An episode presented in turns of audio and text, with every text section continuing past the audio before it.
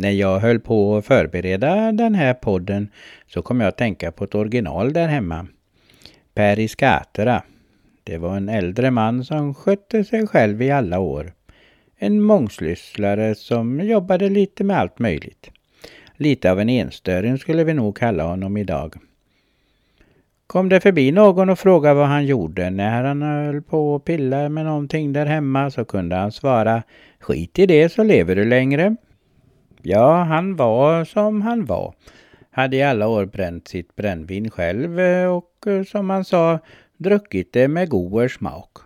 De få som fått smaka på detta hemkörda sa att det var rena finkeloljan. I alla fall så hade synen försämrats med åren och inte så konstigt det kanske. Men nu var det ganska illa med synen så det bar inte bättre än att han fick ta och vingla iväg på mopeden till läkaren. Eller som han sa till doktorn. Senast han hade varit där så hade han skurit sig i fingertoppen ganska så illa faktiskt. Toppen hade nästan gått av, så den hängde i en liten stump. När han kom in den gången så frågade läkaren hur länge han hade gått så där. Ja, sa Per, det är väl en vecka, tio dagar skulle jag tro. En vecka, sa doktorn. Du skulle ha kommit in direkt, det går inte att sy fast den nu inte. Nåväl, läkaren klippte av stumpen och sydde några stygn. Sedan la han på ett bandage och sa att han får komma tillbaka om en vecka för kontroll. Men innan Per gick så gick han fram och kikade i skålen där stumpen låg. Han funderade lite och så sa han, äh, jag tar den till katten. Nåväl, nu var det ögonen som inte ville vara med riktigt. Efter undersökningen så sa läkaren som det var att eh, antingen får du sluta dricka ditt hemkörda eller så kommer du bli helt blind. Per la pannan i djupa veck och funderade. Efter en god stund så sa han ah, jag har sett det mesta.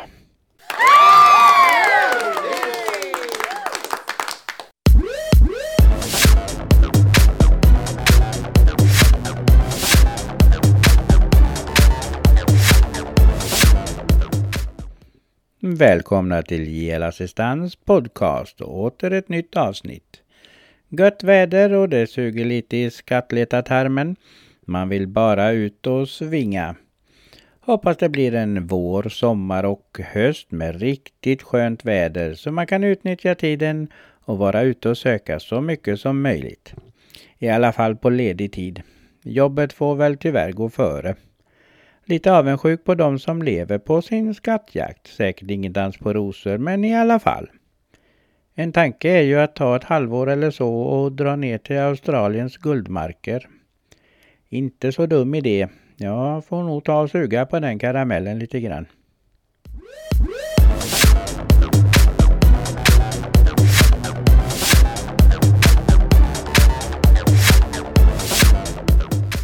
Jag berättar ju lite om Per i Skatera och kom då att tänka på Anna i Bröte.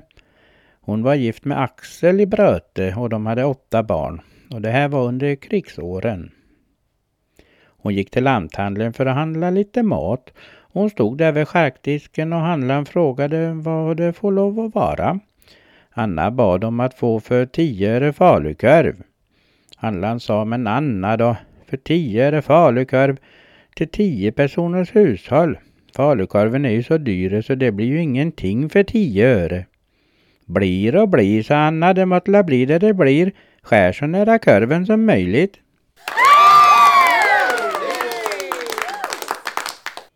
Jag heter Jonas Lundström, en kaffe och wienerbröd så kör... Nej, vänta nu. En snus också. Sen kör vi igång.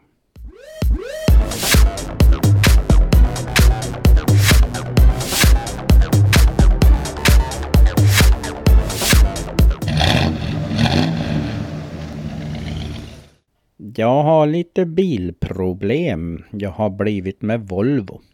Rättare sagt en V70, hur det nu gick till. Inte vet jag. Ni som känner mig vet att Volvo är inte mitt första val. Säkert ingen dålig bil, men den är om man säger inte jag. Har de senaste åren haft olika SUV och trivs bra med det. Sitter högt och man ser bra och man kommer dit man vill, oftast hade en Sanyang Musso. Musso betyder noshörning och det stämde rätt bra på den bilen. En robust, stark arbetsmaskin byggd på Mercedes-delar. Hade en eh, diesel. När jag sålde den hade den gått 79 000 mil och tuffade på lika bra för det. Kontaktade den nya ägaren för en tid sedan då jag ville gärna köpa tillbaka den men ja, tyvärr så hade den stått lite för nära en gammal husvagn som brann. Så det är bara ett utbränt skelett kvar. Haft andra efter den också, typ Santa Fe, en Jeep Cherokee, Ford Maverick, Range Rover, Opel Frontera. Visserligen inga nya bilar, men vad gör det? Jag älskar dem. Men nu är det en V70. Ja, det funkar bara inte. Så är det någon där ute som har en SUV fyrhjulsdriven i liknande modell utav de som jag har haft ungefär så skicka gärna ett mail eller gå in på Facebook-sidan Gelassistans Metal Detecting och skicka ett meddelande via kontakta oss-knappen. Så kanske vi kan göra ett byte. V70 är 99 års modell. Bensin, manuell låda, dragkrok. Bilder finns också på Gelassistans Metal Detecting.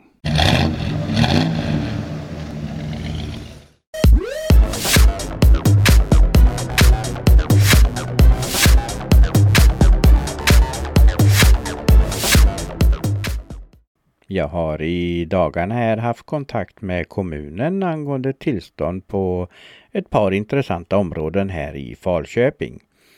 Jag var ute på ett jobb i förra veckan och alldeles bredvid där vi jobbade fanns ett härligt område som helt enkelt bara skrek till mig. Kom hit och sök!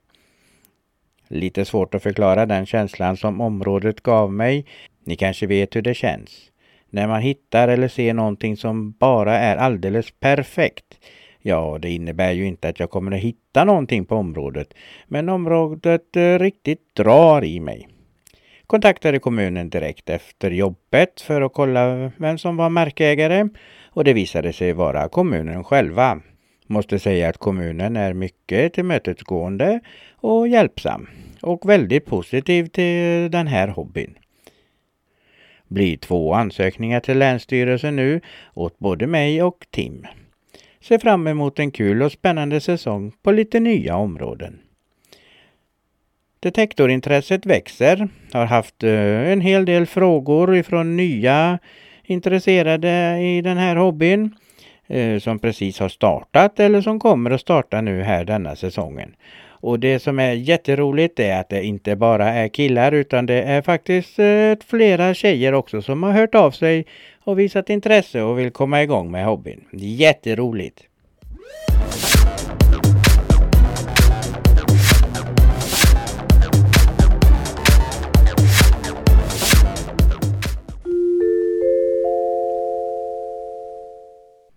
En lyssnarfråga kommer ifrån Arvid. Han undrar när man följer din blogg och läser i husvagnsgruppen så verkar det på alla som bor i husvagn att det inte finns några problem.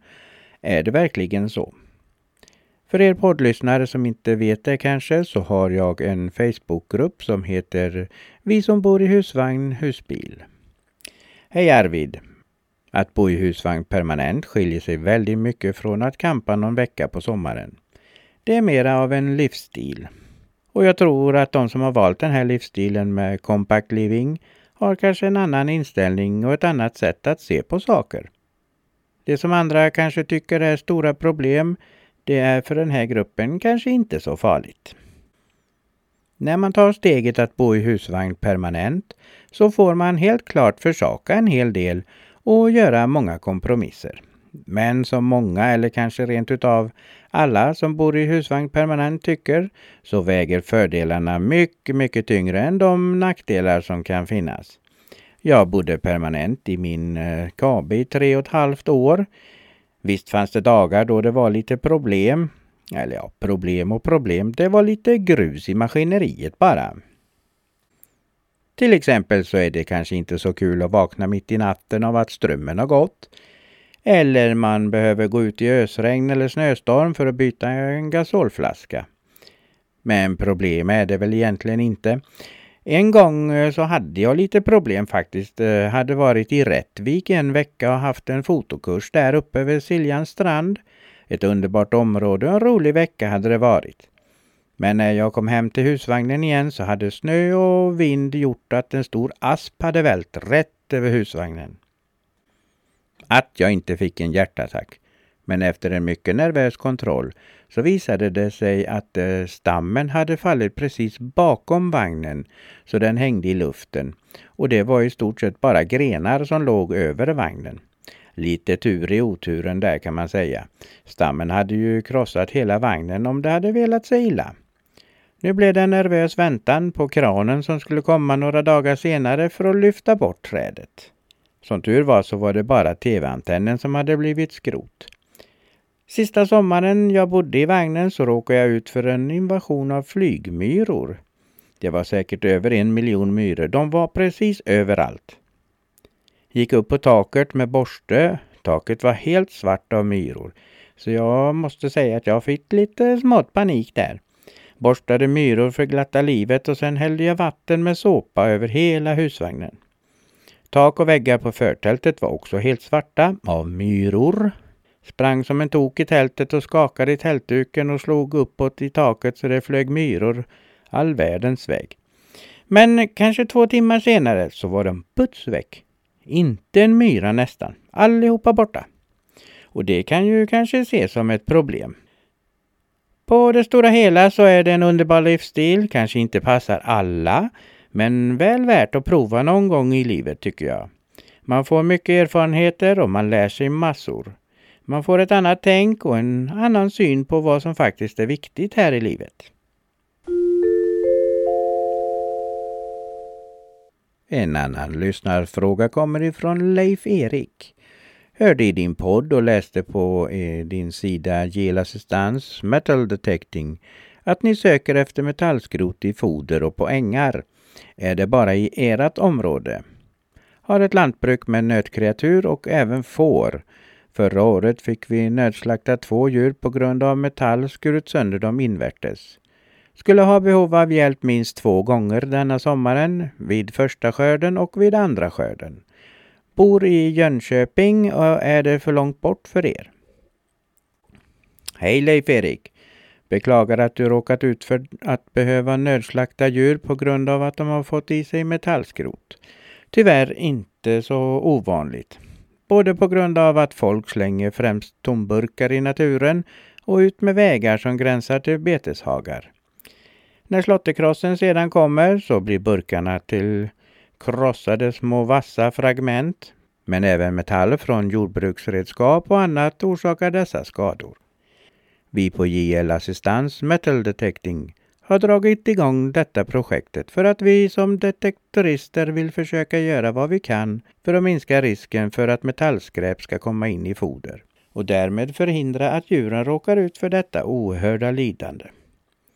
Gå gärna in på vår sida Gel Assistans Metal Detecting och skicka en förfrågan via kontakta oss-knappen så kommer du till ett enkelt litet frågeformulär som du kan fylla i och skicka in. Så kontaktar vi dig för vidare planering om hur vi kan hjälpa dig och dina djur på bästa sätt. Flera lyssnare har ställt samma fråga så att jag buntar ihop dem i en enda liten klump. Eh, det är många som har frågat om man ska använda kol eller briketter när man grillar. Då är det så att kol har en intensivare men kortare brinntid. Och man brukar använda kol till råvaror som ska grillas fort. Till exempel tunnare köttskivor, fisk och alla sorters korvar. Briketter har en längre brinntid. De används när du ska grilla indirekt eller för råvaror som helt enkelt behöver längre tillagningstid. Till exempel kyckling, hel entrecote, karré eller reben. Då ska du använda briketter.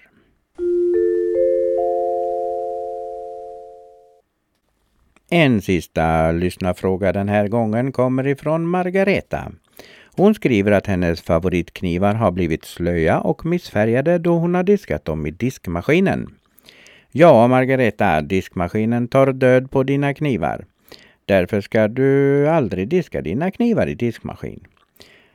Maskindiskmedel innehåller slipmedel som påverkar skärpan Och maskindiskmedlet innehåller dessutom salt för att det inte ska klumpa ihop. Saltet kan skapa fula fläckar på knivbladet. Står en kniv i bestickstället så stöter det mot andra bestick under diskprogrammet och då kan äggen skadas. Om du då istället lägger kniven i diskmaskinen så kan den kraftiga vattenstrålen göra att den vassa äggen på kniven repar upp diskstället som sedan börjar rosta. Hettan från torkprogrammet kan dessutom påverka stålets egenskaper och det är lätt att skada sig på en kniv som står i diskmaskinen. Så diska dina knivar för hand, använd vanligt diskmedel och torka dem gärna med en handduk efteråt. Lycka till med dina knivar!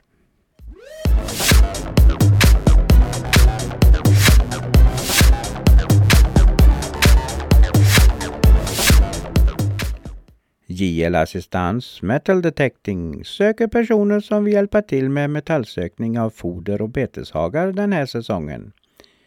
Vi är ju verksamma i området kring Falköping, Floby, Skövde, Skara, Vara, Essunga och däromkring. Men vi har fått lite förfrågningar ifrån andra olika ställen och mer frågor lär komma. Så det vore kul om man skulle kunna hjälpa djuren även om de bor en bit bort ifrån oss. Därför söker vi nu detektorister som kan tänka sig att få uppdrag hänvisade till sig. Är du intresserad så gå in på vår Facebook-sida GL Assistans Metal Detecting. Klicka på kontakta oss-knappen så kommer du till ett enkelt litet formulär som du kan fylla i med dina uppgifter. När vi sedan får in uppdrag som vi kanske tycker ligger för långt bort eller vi kanske helt enkelt inte har tid så kan vi hänvisa dem vidare till er som är intresserade.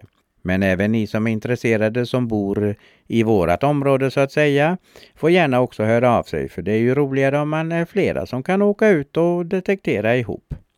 Träffas, söka och ha lite kul. Bra sätt att hålla igång hobbyn dessutom och komma ut och svinga lite. Speciellt nu då när många tyvärr drar sig för att skicka in ansökningar på grund av den här nya ansökningsavgiften på 700 kronor.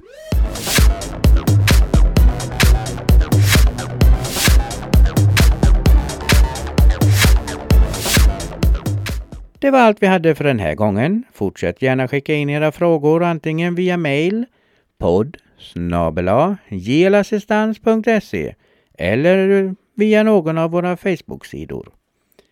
Besök gärna Gelassistans Metal Detecting där ni kan kontakta oss via kontakta oss-knappen. Vill ni så hörs vi igen om en vecka. Svinga lugnt! If you've enjoyed this episode, share it with your friends. Keep listening to our weekly episodes to find out more. Download episodes of previous shows